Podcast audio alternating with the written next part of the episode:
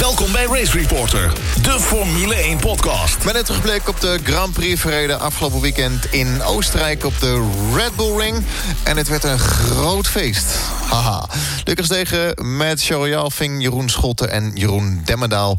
Heren, stel je even voor. Ah, ik ben uh, Charles Jalving, fotograaf, marketingmanager en uh, autosportavonturier.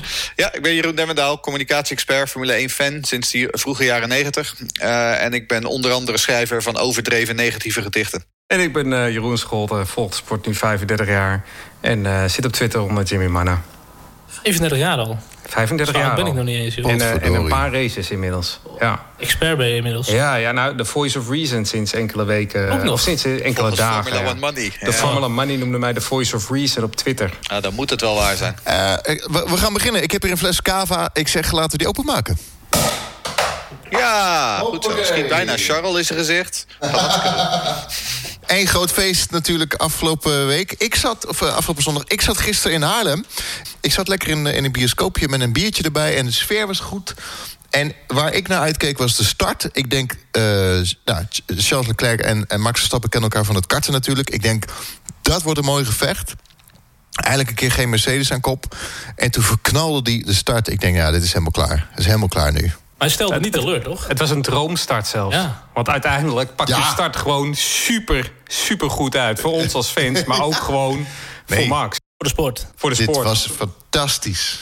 Met, met een goe- goede start was, was het nog veel moeilijker geweest om te winnen ook, hè? Want hij was... Ja, Ferrari die, of uh, ja, Leclerc en Ferrari die reageerden qua pitstops uh, keurig op Bottas en op Mercedes. Maar die keken totaal niet meer naar Max.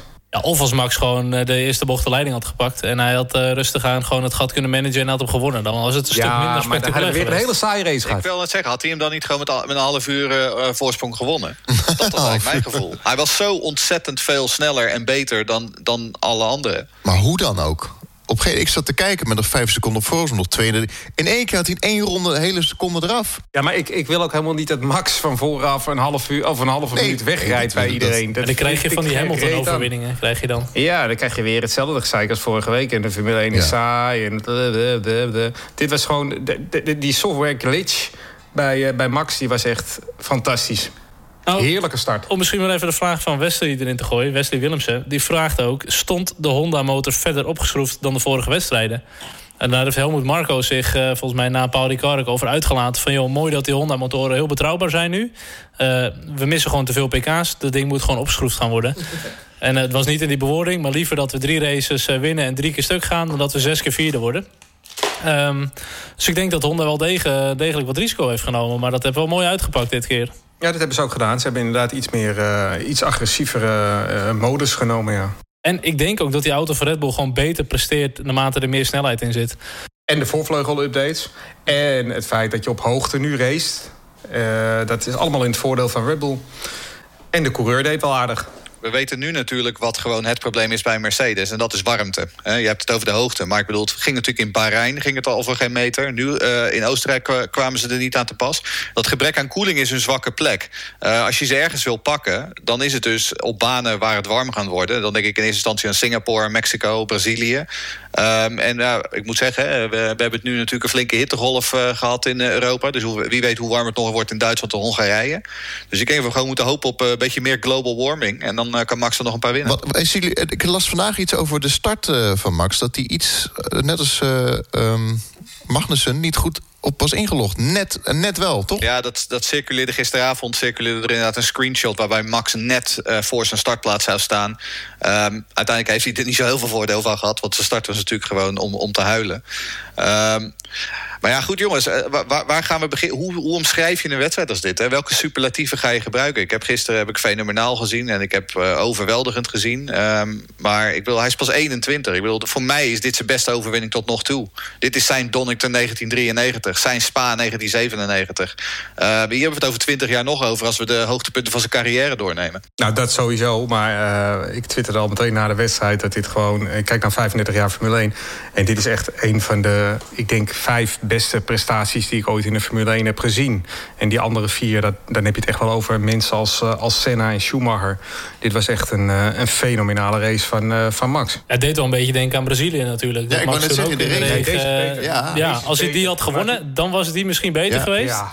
Maar het is wel vergelijkbaar. Dat was natuurlijk ook een masterclass in de regen. Maar dat is een totaal andere discipline eh, wat hij daar liet zien. Ja, en toen had hij wel een heel groot bandenvoordeel. En, en vooral uh, in de regen is het makkelijker inhalen. Ja. En, en vooral, we weten allemaal de huidige problematiek met, met de inhalen in de Formule 1. Dat is allemaal ontzettend lastig. En als je dan ziet hoe hij dat doet ja, buitengewoon. Echt buitengewoon. Ja, en op motorvermogen is het gewoon lastig om bij het uitkomen van die bocht... die Ferraris en Mercedes uh, te volgen, wat staan dichtbij te komen. En dat, uh, dat deed hij wel echt meesterlijk. In ja, alleen Bottas inhalen, dat blijft heel makkelijk ik moet ook wel zeggen, uh, er was natuurlijk na gisteren... na die inhaalmanoeuvre op Leclerc, was er zo van... ja, hè, Leclerc die vecht niet echt terug. Maar ik wil, Leclerc deed niet eens zo heel veel mis. Hè? Ik bedoel, heeft het hele weekend had die, had die Vettel in zijn zak.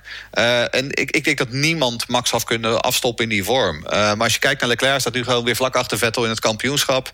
Ehm, ik, uiteindelijk deed hij alles goed. Ik, afgezien van die laatste twee, drie ronden. het mooie aan, aan die inhaalactie van Max was... dat hij natuurlijk een ronde eerder ook al had gedaan. En toen werkte het niet. Dus de tweede keer gaat hij iets, eh, iets dieper, remt hij erin. Uh, bij Leclerc geldt eigenlijk hetzelfde. Hij zag het de eerste keer, werkte het goed. Hij kwam die tractie, kwam hier gewoon weer voorbij in de Red Bull.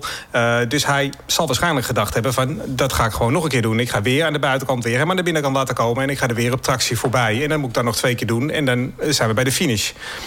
Nou, dat pakt helaas anders uit, omdat Max Verstappen Max Verstappen is. En dat is het enige wat je dan Leclerc kan aanrekenen. Want hij kent hem al 15 jaar volgens mij. Uh, dat Max ook wel leert van uh, dat soort momenten. Ja, absoluut. Ik bedoel, hij heeft hem uh, outsmarting, is wat ze zeggen in het Engels. En dat is gewoon wat Max deed. Maar om, om de race nog even samen te vatten... moet je eens nagaan wat er nu was gebeurd in deze race... als Max niet van de start was weggekomen, helemaal niet. Of hij was al vroeg uitgevallen. Wat had je dan naar voor opdracht, opdracht zitten kijken? Dat had toch echt uh, hetzelfde als Paul Ricard misschien wel geweest? Ja, maar dan wel met de toevoeging... want dat hebben we allemaal niet gezien... omdat Max zo fantastisch bezig was. Maar achter in het veld was bijvoorbeeld Carlos Sainz echt supergoed bezig. We hebben hem bijna niet gezien. Maar die is van, volgens mij startte die als 19 of 18e? 19 ja. 18 of 19 Ja, en hij is als achtste gefinist. En die heeft ook een wereldrace gereden. bijna alles op de baan ingehaald, die jongen heb ik begrepen. Ja, en ik moet zeggen, ik, bedoel, ik vond die start van Rijkoon ook prachtig om te zien. Die gewoon zichzelf naar plek 4 reed uh, binnen, binnen een paar bochten.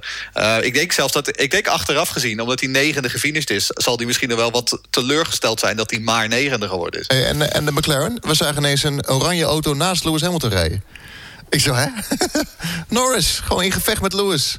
Ook al was het maar twee bochten, maar op één. Ja. Wat geweldig, ik vind echt fantastisch. Echt Norris zo is leuk, hè? Norris, is, Norris is ook echt leuk, hè? Die heeft echt een gunfactor, hè? Ik heb zo genoten. Ja, mooi mannetje. Dat is echt een heel mooi ventje. Ja, wat een race, jongens. Echt fantastisch. Maar ja, en McLaren is gewoon, uh, is gewoon met een hele goede auto. En die is gewoon op dit moment alweer de vierde. En uh, bij Red Bull moeten ze toch eigenlijk zichzelf wel even achter de oren krabben... waarom ze Sainz hebben weggedaan eigenlijk. Want ja, die begrijp ik niet zo in retrospect. Nou ja, die, die, was ruzie aan het maken met Red Bull natuurlijk, met zijn pa. Hadden dus destijds natuurlijk ook gewoon geen plekje voor hem. Omdat ze Ricciardo en Verstappen hadden. Uh, dat was het luxe probleem wat ze toen hadden.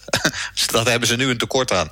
Want nu uh, heb je geen idee wie je in plaats van Gasly in die auto moet zetten. Nee, maar ze hadden hem naar en ook kunnen terughalen. Oké, okay, ja, fair enough. Wat ik vooral op een gegeven moment wat mij heel erg... Ik belde jou meteen op, Jeroen Demmerdaan, na de race. Meteen, ik zei van, joh, ja. over die actie van uh, uh, Leclerc. Toen zei ik van, joh, vroeger, vroeger... in de, de old days als jij de bocht had, zeg maar, je zat rechts, eh, je stuurde de bocht in, dan was die van jou. Dan, you backed off, zeg maar. Dan was het, oké, ik neem een verlies. Maar uh, toen hadden we allebei dezelfde discussie. Tegenwoordig, dit is zo'n Leclerc, die gooit hem er weer terug in... met als uh, hoop dat hij eraf getikt wordt en straf. En... Ja, Nou, Pedro de la Rosa die had daar gisteren een goed punt over. Want die zei van, weet je, dat die had het dan weer ook over uh, het ontwerp van de banen, waar we het vorige week ook al over hadden. Als jij die extra lap asfalt aan de buitenkant van de bocht legt, dan gaan de coureurs daar gebruik van maken. Oftewel, daar moet je gewoon vanaf. Want als die lap asfalt er niet ligt... dan moet Leclerc gewoon inhouden. Dit is echt de enige plek op de baan... Uh, waar inderdaad een stuk asfalt ligt... op dan uh, de laatste bocht en de eerste bocht... Nou, die op zich wel wat logischer zijn. Ja, je moet eigenlijk ook gewoon gras en grind zitten. Dan, uh... Ja, en er was natuurlijk... vervolgens waren er nog wat vragen van... ja, maar eh, had, had, niet een penalty moeten zijn... net als Rosberg versus Hamilton destijds... en Rosberg versus Verstappen op Hockenheim hebben we nog gehad. Maar voor mij, als je de onboards bekijkt vooral... de, de stuurbeweging van Verstappen is voor mij doorslaggevend. Hij stuurt gewoon full lock de bocht door. Terwijl als je naar Rosberg kijkt... die reed beide keren moedwillig rechtdoor... en, pas, en die stuurde pas heel laat in. Die, die miste gewoon met opzet de bocht. En dat was ook een verdedigende move twee keer. Terwijl dit voor Max natuurlijk een aanvallende move was.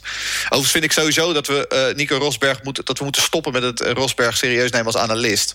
Want die verklaarde gisteren uh, op Twitter van... oh, het is zo geweldig dat er geen penalty voor komt. Maar die vond wel dat Vettel in Canada een penalty had moeten krijgen. Dat zal er waarschijnlijk ook mee te maken hebben... dat daar een Mercedes bij betrokken was. En het feit dat Rosberg nog steeds op, die, op de loonlijst staat bij Mercedes. Ik, ik had één dingetje alleen wel over die situatie.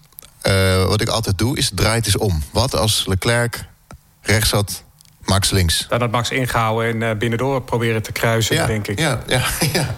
Nee, maar ik bedoel meer, ik bedoel meer had dan iedereen gezegd... ja, hij doet het van de baan, snap je? Dat probeer ik dan altijd Maar dat zeg ik nogmaals, omdat Leclerc de eerste keer was het ook gelukt. Ja. Ik denk dat hij daarom dacht, ik ga dit nog een keer proberen... want de sterke kant van mijn Ferrari is de tractie en het accelererend vermogen. Ik denk dat Max dat talent wel heeft om te zien... als ik aan de buitenkant zit, dan word ik daar geknepen. Dus laat ik me niet in die situatie krijgen. Wat ik eigenlijk al niet begreep, is dat de ronde daarvoor was Max er al voorbij. Uh, waarom verdedigde Leclerc niet? Je weet dat Max komt. Hij bleef links hangen. en dat is wat ik dus mis aan het hedendaagse race. En je zag het al met de inhoudrace van Max. Volgens mij was het bij een Kimmy. Uh, hij zet de deur gewoon open. Ga er langs. Ik weet dat je sneller bent. En uh, ik ga mijn eigen race hiervoor niet opofferen. En dat vind ik wel jammer hoor. En hoe verder, uh, hoe verder Max naar voren kwam... hoe moeilijker het uiteindelijk wel werd.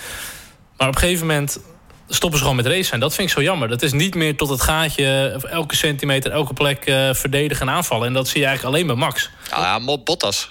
Bottas ging natuurlijk echt tot het gaatje. en nee, maar Vettel uh, deed Wat? ook. En Norris deed ook tegen Verstappen.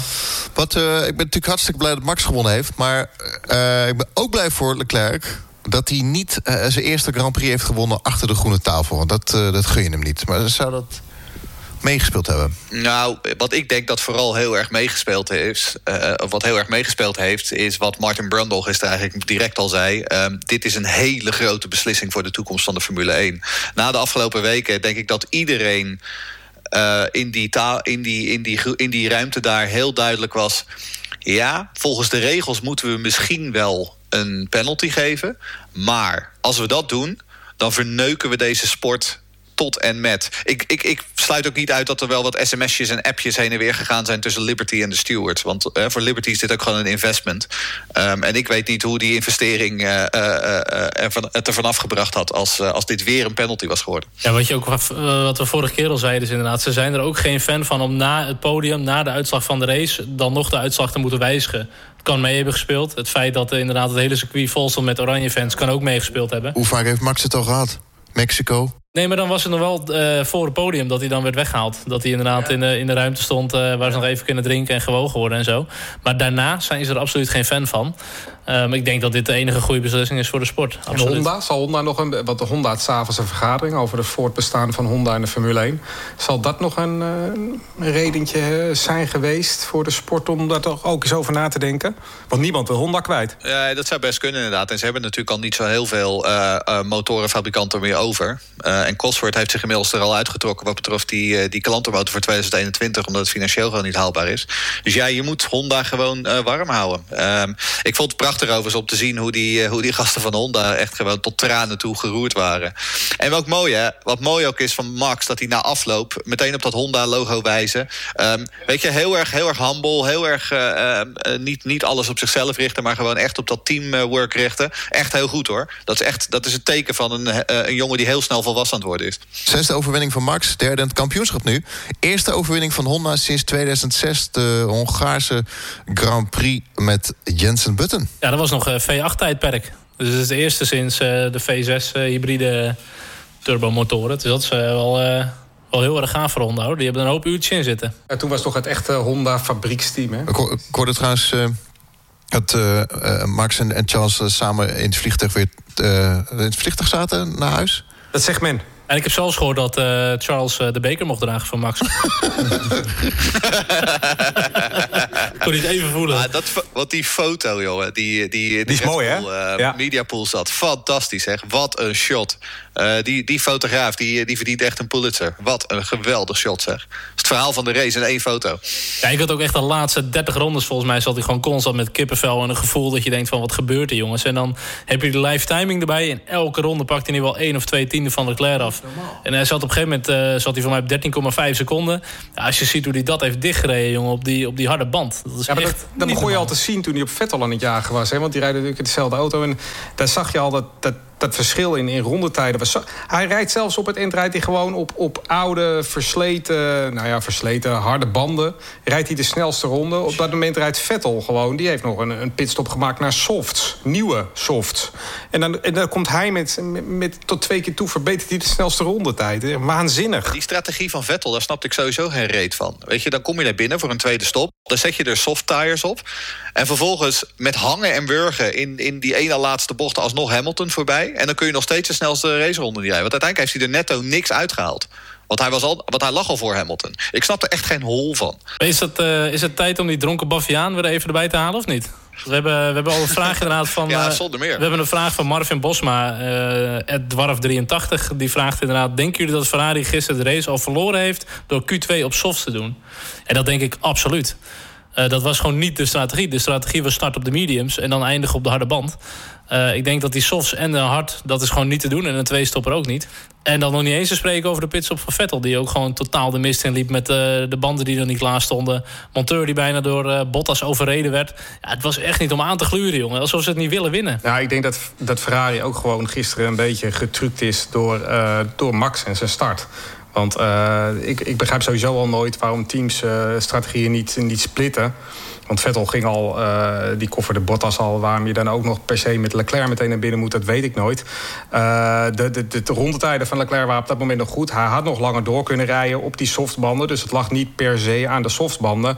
Maar ze laten zich gewoon een beetje foppen door de situatie op de baan. En doordat Mercedes naar binnen gaat. Een beetje zoals Abu Dhabi 2012 was het volgens mij... toen Alonso reageerde op Webbers pitstop. Ook Ferrari natuurlijk.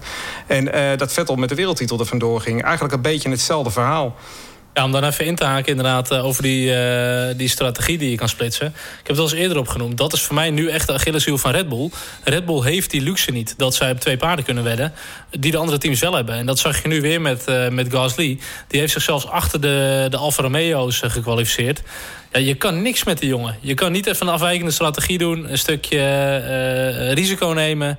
Ja, het schiet gewoon niet op. Red Bull heeft op dit moment gewoon één auto. Dat is het probleem. Um, het, want het was gisteren. Ik bedoel, hij was in Frankrijk was hij al niet best. Maar dit was ook echt weer om te huilen. Ik, ik, ik, ik, want ik was een beetje zijn rondetijn aan het volgen. En na 20 ronden, hij lag gewoon al ruim 20 seconden achter op Verstappen. Hij verliest gewoon continu. Hij verliest gewoon een seconde per ronde.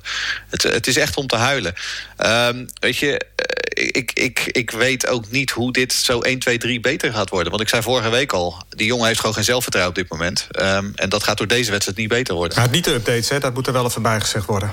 Aan de voorvleugel, die had hij niet. Nee, nee we, kregen, we kregen inderdaad een vraag van Jorik. Die zei van, um, is het lot van Gasly nu definitief beslecht?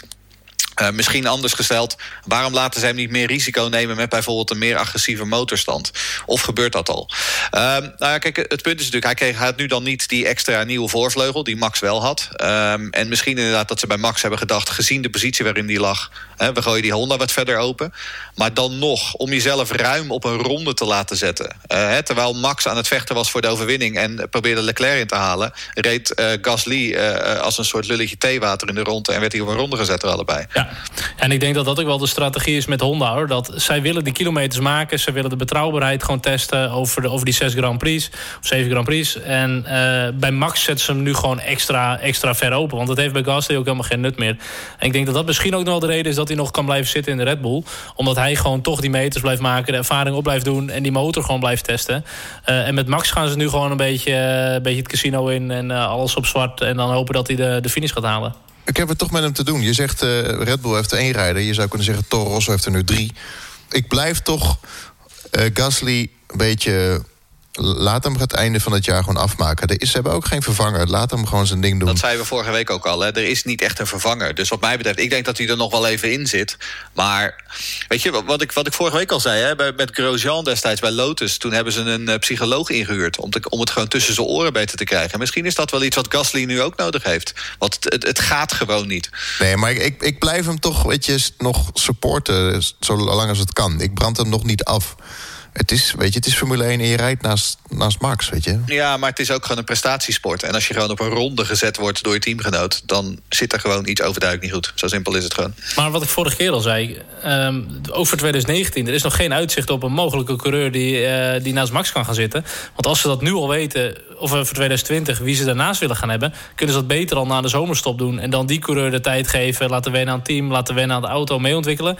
Maar voor zover ik het nu kan zien ik zie niet een, een, logische opvolger. Nou, we kregen al een vraag van, uh, volgens mij van Kaatje, van Karin. Ja, die vroeg, is er überhaupt een mogelijkheid om misschien Lando Norris naar Red Bull te halen? Um, of zit hij contractueel vast aan McLaren? Want op zich, ja, Lando Norris naast, naast Max, dat zie ik wel. Um, aan de andere kant, ik, wat ik niet zie, is dat McLaren Lando Norris gaat laten lopen. Want Lando Norris is natuurlijk hun goudhaantje. Um, en Red Bull kan misschien een heleboel geld bieden en hem daarmee losweken. Maar ik, ik zie dat niet zo heel snel gebeuren. Of een Ocon, die nu in verband wordt gebracht met Renault. Ik kan me ook niet voorstellen dat Mercedes hem uh, richting Red Bull laat gaan. Red Bull haalt toch alles uit eigen vijver? Ja, en Red Bull haalt niet ook om hem naast Max Verstappen te zetten. Race Reporter, de Formule 1-podcast. Racereporter.nl Dan leuk om te zien tijdens de eerste ronde... een McLaren in gevecht met Lewis Hamilton. Ze zijn goed bezig. Landon Norris was in gevecht met Lewis. Maar wat wel opmerkelijk is inderdaad... is dat nu het klantenteam van Renault... Uh, dus voor, ruim voor het fabrieksteam staat. Hè? En uh, we hadden het de vorige week al over dat, dat de Renault natuurlijk... naar Paul Ricard hadden ze hun grote update meegebracht... en in Canada hadden ze een nieuwe motor. En nou, dit, nu ging het het worden... En vervolgens uh, worden ze gewoon leuk 12e en 13e, ja, wat het ook was. Weer. In ieder geval bij buiten de punten. Weer. Terwijl uh, McLaren gewoon de stijgende lijn doorzet. Uh, en nu echt heel stevig op die vierde plek staat. Uh, maar 20 punten, ja. de updates nu alweer uitgewerkt. Het is ook gewoon even 12 punten dat McLaren heeft binnengeharkt... ten opzichte van een Renault die ik eigenlijk bijna niet eens heb gezien deze race. Joh. Ik bedoel, zeggen, Red Bull was ook beter dan Renault als klantteam. En nu McLaren ook. Dus weer is dat er een klantteam sneller is dan fabrieksteam. Ja, en wie is daar verantwoordelijk voor? Kom er maar in, Jeroen. Cyril Abiteboul. Dus wat moeten we met Cyril Abiteboul doen? Die moet gaan dammen, kantklossen of origami. Precies. Maar samen, hij moet geen met, Formule 1 team samen meer met Romain en Robert Kubica. Ja. Want ik moet zeggen, die driver of the day gisteren... wat een ongelooflijk vrede grap was dat, zeg. Ik bedoel, er moet ergens op een van de internetforum... moet een hele groep mensen bij elkaar hebben gezeten... die hebben gezegd, jongens, we gaan allemaal op Robert Kubica stemmen. Maar het is wel echt een cruel laatste, Het laatste wat ik hoorde was dat het een foutje is geweest uh, op ja, de het zou, technisch, het zou een technisch ja, foutje technisch foutje dat Kubica niet nou, echt de driver day Technisch gezien is dat sowieso een foutje natuurlijk. Want uh, dat kan absoluut niet. Ja. Voor mij, ik heb nog niet eens gezien of die jongen al is gefinished inmiddels, hoor. Uh, nee, hij schijnt nog ergens te rijden. Hij zit in ronde 47, geloof ik. Ja, toch? Ja. Nou, op dat, op dat grafiekje is die nog niet gefinished. Daar is hij alweer buiten beeld geëindigd. Inderdaad. Ja, ja. ja, die heb ik ook gezien inderdaad, ja. Ah, wat lachen erop, nee, maar, maar dat is, is gewoon... Ik bedoel, weet je, die beste man, die moet er gewoon mee stoppen. Die, die man moet gewoon, moet er gewoon een einde aan maken. En gewoon lekker zeggen, joh, weet je, geef deze stoel aan een ander. Want dat gaat gewoon niet. Want hij, wat hij zei gisteren aan de wedstrijd, ja, nee, het was zo warm. Dus ik was de hele tijd aan het glijden. En dan denk ik van, ja, daar zal George Russell er ook gewoon last van hebben gehad. Maar die uh, eindigt dan als achttiende, uh, een ronde voor. En uh, die eindigt nog voor een haas. En ja, die vocht nog met een paar andere coureurs ook. Dat is zo'n. Ja. Die gozer zit echt ja. gewoon. Die moet ook gewoon naar het middenveld toe. Die, die is veel te goed voor dit geweest. Ja, iemand, iemand moet hem verlossen van Ja, ja, echt. Is echt maar Russell, erg. ik vind dat zo lullig. Want hij is zo uh, niet in de spotlight. En het is heel mooi om dit jaar gewoon te leren voor hem en meters te maken. Maar het wordt wel ondergewaardeerd. Want hij rijdt echt strak, joh. In kwalificatie zat hij er ook gewoon redelijk goed bij de hele tijd. Um, ik vind het echt knap wat hij doet. Hij rijdt gewoon uh, Kubica helemaal aan gort. Hebben we Giovinazzi al gehad? Nee, daar moeten we het wel nog even over hebben. Ja, want die heeft een puntje. Puntje. En hij is wat, haar, en hij is wat haar kwijt. Ik wou wat zeggen, ja. Aan de, aan de schaar van Vasseur. Ja, die, was, die werd even in de pits uh, werd even zijn haren gekortwiekt. Alfa als geheel, prima weekend. Uh, wat ik eerder al zei, ik denk dat Rijkonen misschien wel wat teleurgesteld is... met die negende plek na die openingsfase. Uh, maar ja, weet je, gewoon goed. En, en, en Giovinazzi eindelijk zit heel dicht bij Kimmy. Flynn is er vlak achter, pakt een punt... Um, weet je, tuurlijk, hij is tot nog toe gewoon niet goed genoeg geweest. Maar laten we dan nu hopen dat hij misschien een keer uh, het, het, heilige vuur gevonden heeft. Nou, wat het ook is, hij is nu gewoon van die hatelijke nul af. En dat gaat toch tussen je oren ja. zitten als elke journalist vraagt... joh, wanneer ga je die punten scoren? Kimmy die presteert wel. Uh, hij is er nu vanaf. Nu moet hij last van zijn schouders. En nu moet hij gewoon lekker gaan doorpakken, die jongen. Ja, dan moet ik wel even zeggen dat uh, bij die middenveldteams is het wel heel erg circuitafhankelijk, heb ik het idee momenteel. Want uh, je ziet het met Renault, wat in Frankrijk gewoon leuk meedeed. En nu gewoon uh, voor spek en bonen rondrijdt. En je ziet een Alfa Romeo die dat eigenlijk een beetje omgekeerd doet. Het is wel heel erg circuitafhankelijk momenteel hoor. Maar toch in een race zonder uitvallers is het niet slecht. Als je nee, nou in één keer vijf of zes uitvallers hebt, nee. dan, dan, sta je sneller tiende dan nu. Nul uitvallers. Volgens mij de zesde race uh, ooit, uh, dacht ik, met nul uitvallers. Het gebeurt niet vaak. Nee, dat gebeurt dus heel dat, vaak. Over recordjes gesproken, wat was er over Max?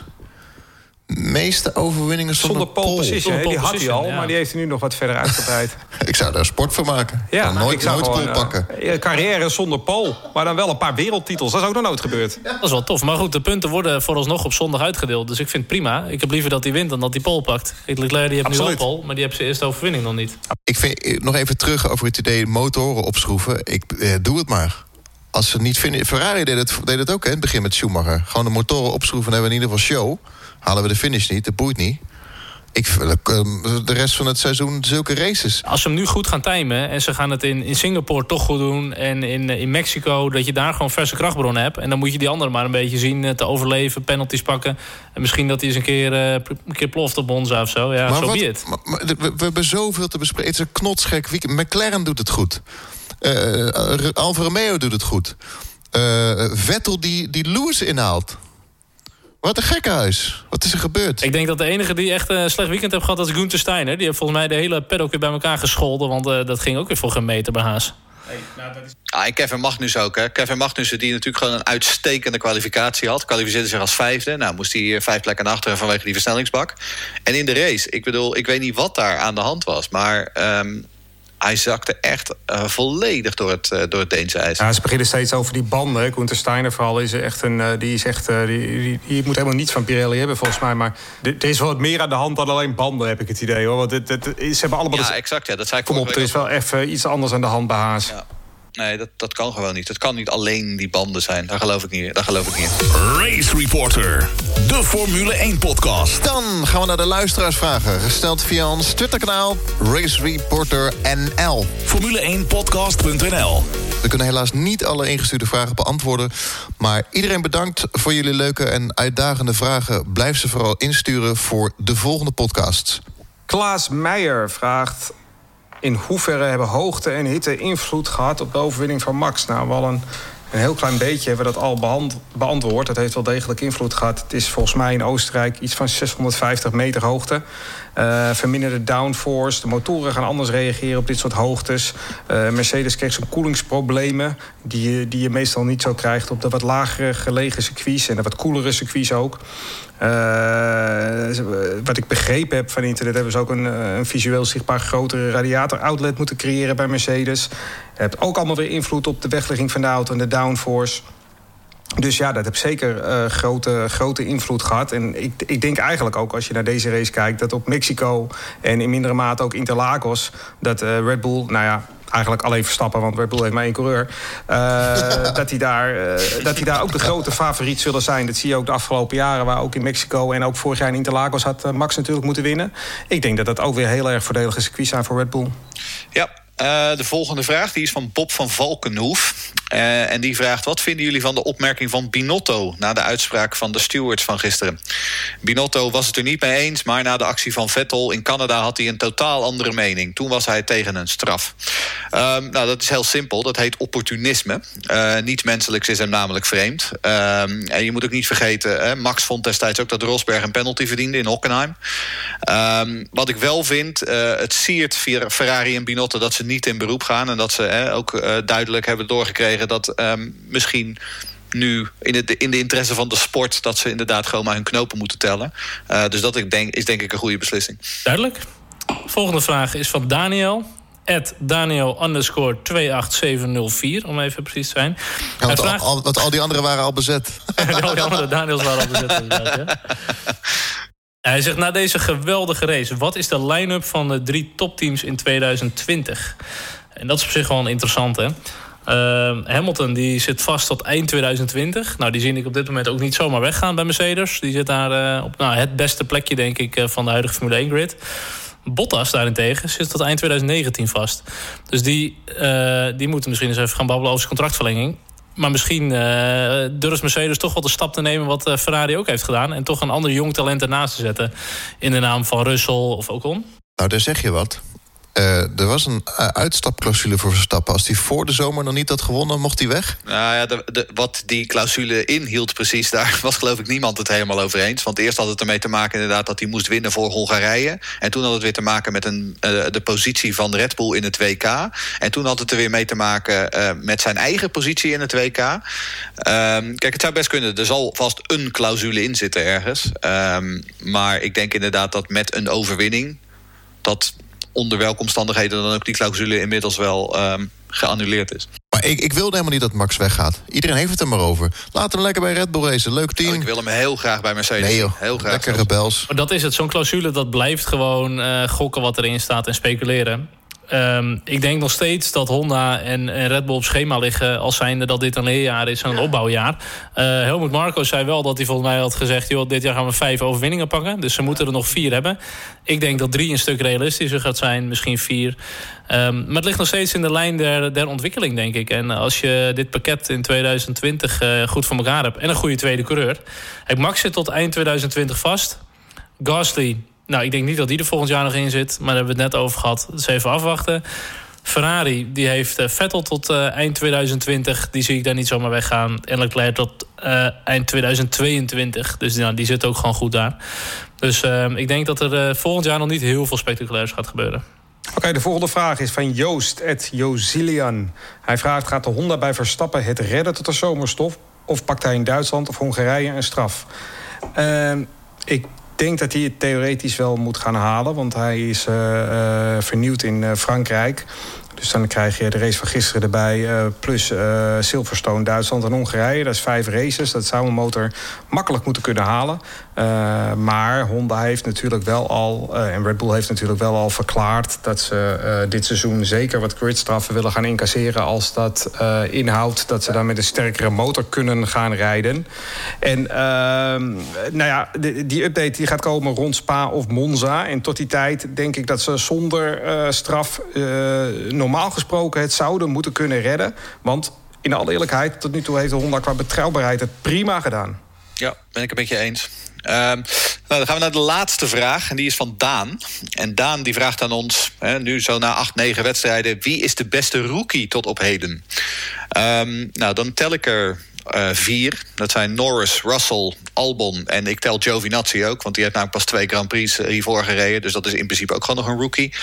Uh, ja, het hangt er helemaal vanaf hoe je dat inschat, denk ik. Kijk, puur, als je kijkt puur op basis van de resultaten, dan is het Norris. Maar Norris heeft natuurlijk ook gewoon een goede auto. Um, maakt, maar maakt ook nog net iets te veel schoonheidsfoutjes, vind ik. Bij Russell is een goede race veel lastiger te zien. Maar ik denk dat je die niet moet onderschatten. Uh, Kubica is natuurlijk gewoon niet goed. Maar Russell is wel gewoon heel goed. Russell is, haalt echt heel veel meer uit die Williams dan, dan, uh, dan Kubica. Dus ik zou zeggen dat Nor Norris en Russell ex-equo de beste rookies zijn op dit moment. Uh, en dat gaat ook de rest van het seizoen zo doorgaan. Albon volgt een beetje daarachter. Die doet het aardig, maar niet spectaculair. Uh, en Giovinazzi, ja, weet je, die is er nog lang niet. Maar goed, die heeft nu één aardige race gehad. En die lijn moet hij nu doorzetten. Ja, ik sluit me er volledig bij aan. Kijk, Russell is gewoon zo goed. Maar je kan niet vergelijken wat hij uit de Williams haalt. Je hebt geen vergelijksmateriaal. Maar Norris, voor mij in Bahrein ook. En ook als je al die kwalificaties ziet, die races, jongen, de inhaalacties. Hij rijdt echt geweldig voor een rookie. Ik vind het echt op. Had ik niet eens verwacht. Want ik moet eerlijk zeggen dat ik... naar aanleiding van het Formule 2 seizoen van vorig jaar... toen won hij één race, allereerste... Uh, eigenlijk gedacht dat het nog niet helemaal klaar zou zijn voor de Formule 1. Maar dat is hij wel. En uh, ja, applaus. Ja, ze waren vorig seizoen met z'n tweeën ook wel met afstand de beste in die, uh, in die Formule zeker, 2. Hè? Zeker. Bedoel, het, het waren echt wel die twee. Ja, want mensen hebben het over Albon, maar dat is echt wel een niveautje minder dan deze twee hoor. Echt wel een tandje Nee, minder hoor. Ja. Ik zeg Norris, omdat ook bij mij meespeelt, net als bij Idols... of je een beetje charisma hebt, een beetje show. Uh, ik vind Norris gewoon een leuk ventje op social media. Ook met die, met die helm vorige week zat hij mee te deinen. Met, Met zijn die- melk en zo Ik, weer. ik vind dat speelt ook mee, weet je wel. Als jij kijkt naar Rosberg. Ja. Rosberg is eenmalig wereldkampioen... maar totaal geen toevoeging qua, qua show aan de Formule 1. Nee, Rosberg is een pak yoghurt. Dus we hebben toen ook een seizoen gehad van mij met waren de helft van de auto's waren allemaal grijs. De coureurs waren ook zo grijs als maar kan. Er zat geen één eh, fris iets in. En toen kwam Max. En Ja. dat zien we ook met dat Norris. Ja, het zijn leuke gasten, die moet je er echt bij hebben. Dus ik vind, voor mij is Norris dan de, de rookie of the year. Uh, de Formule 1 Miss Damon Hill. Ja, en gewoon Pablo Montoya. Jacques Villeneuve. Jacques Villeneuve. Marcus Ericsson. Sato. Ja, Sato. Felipe Nazer. Esteban Gutierrez. en nog meer van die Jolion uh, halfbakken... ja, Jolion Palmer. Oh, ik ben die is nu uh, topanalist hè, bij de BBC. Ja, hij is wel een goede analist, hè? Want ja. mensen, iedere keer Ja, als hij een wel, mening ja. geeft... dan krijgt hij dus te horen wat hij allemaal niet kan met, eh, in een auto. Maar die man die geeft echt verdomd goede meningen vaak, hè? Ja, maar dat is het aardige. Goed, we gaan naar de volgende Grand Prix. Die van Engeland, Great Britain. Zondag 14 juli op Silverstone. Wat is jullie leukste herinnering aan, die, aan, de, eh, aan deze Grand Prix? Oh, een- Nigel Mansell, eh, die, eh, die 92? rond Nelson Piquet ging in... volgens mij was het 1986. Hij, kreeg een, hij lag ver voor en toen kreeg hij een lekker band... of een langzaam leegloop onder de bank. Die moest hij wisselen. Toen lag hij ver achter Piquet, die ook in dezelfde auto reed, in een Williams. En eh, toen heeft hij dat gat eh, in no time dichtgereden. Een beetje à la eh, Verstappen gisteren. En ging daar met, een, met zijn befaamde schijnbeweging, slingshot manoeuvre op het rechte stuk, ging hij er eventjes langs. Dat was echt. En ik stond echt als, als ventje van 16 op de bank te juichen, want Nigel was mijn grote held. Dat, i- dat is mijn herinnering aan Silverstone. Geweldig. Ja, ik kan me nog een geweldige inhaalmanoeuvre van Damon Hill op eh, Michael Schumacher herinneren uit 1995. Dat was, eh, eh, dat was een prachtig moment. Vooral ook omdat ze allebei in de grindbak eindigden. En vervolgens won Johnny Herbert in een Benetton Renault, die won de Grand Prix. En daardoor kreeg Jos Verstappen niet die stoel bij Benetton. Ja, ja, ja, ja. ja. Toen- Toen, stapte Schumacher uit en die gaf een klap op Damon Hill zijn helm. En de Hill bleef ook zitten. Nee, dat was in Monza, iets later dat seizoen... toen Damon Hill exact hetzelfde deed... en weer ze allebei van de baan reed. Ja, maar dat was met Taki Inoue. Dat was de schuld van Taki Inoue. Die reed ernaast, die reed iedereen in de weg. Oh, oh. En Ja, voor mij is het eh, toch denk ik de inhaalactie op Rosberg toen eh, Silverstone. Eh, wanneer was dat? 2016 ook? Was het Maggots en Beckett's dat hij toen Rosberg voorbij ging buitenom? Dat vond ik wel mooi ook hoor. Dat was alweer een mini masterclass gewoon. Voor mij was het Schumacher die eh, een, eh, een, een straf kreeg... en hem in de pits eh, inlijfde. Dat iedereen dacht, wat gebeurt hier nou? Er een maas in de wet ontdekt. Ja, dat was Ross Brawn, genie, die dat uitgevogeld had. Ja. Geweldig. Silverstone. Blijft een klassiekertje op de kalender. Laten we hopen op regen, op regen jongens. Dat Ja. Silverstone Ja. moet gewoon nat zijn, sowieso. Meer regenregels. Ja. Heren, mag ik jullie bedanken voor deze fantastische eh, aflevering. Eh, Echt een mooi, de mooiste Grand Prix van dit jaar. Natuurlijk, was, eh, was top weer. Bedankt voor de champagne en de Red Bull. Ja, Oostenrijks. eh, we doen iedere Grand Prix. Wat willen jullie voor de volgende Grand Prix? Vis en chips, bakje thee. Nee, geen thee, geen thee. Thee Dan een dikke verschrikkelijk. pint gewoon. Beetje Marmite, lekker. Beetje Marmite. Ja, Zwarte thee. Zwarte thee en van die, van die vieze bloedworst. gewoon bonen met, eh, ja. bonen met ei en patat en zo. Als je nou echt wat wilt doen, eh, Lucas, dan maak je shepherd's pie. Oké, ga, ga het recept opzoeken. Oké, bedankt voor het luisteren. En check nog even onze website racereporter.nl. En natuurlijk ons Twitter-account en Instagram voor de Formule 1 minuut. Tot de volgende Grand Prix. Tot de volgende keer. Hoi, hoi. Hoi, tot de volgende keer.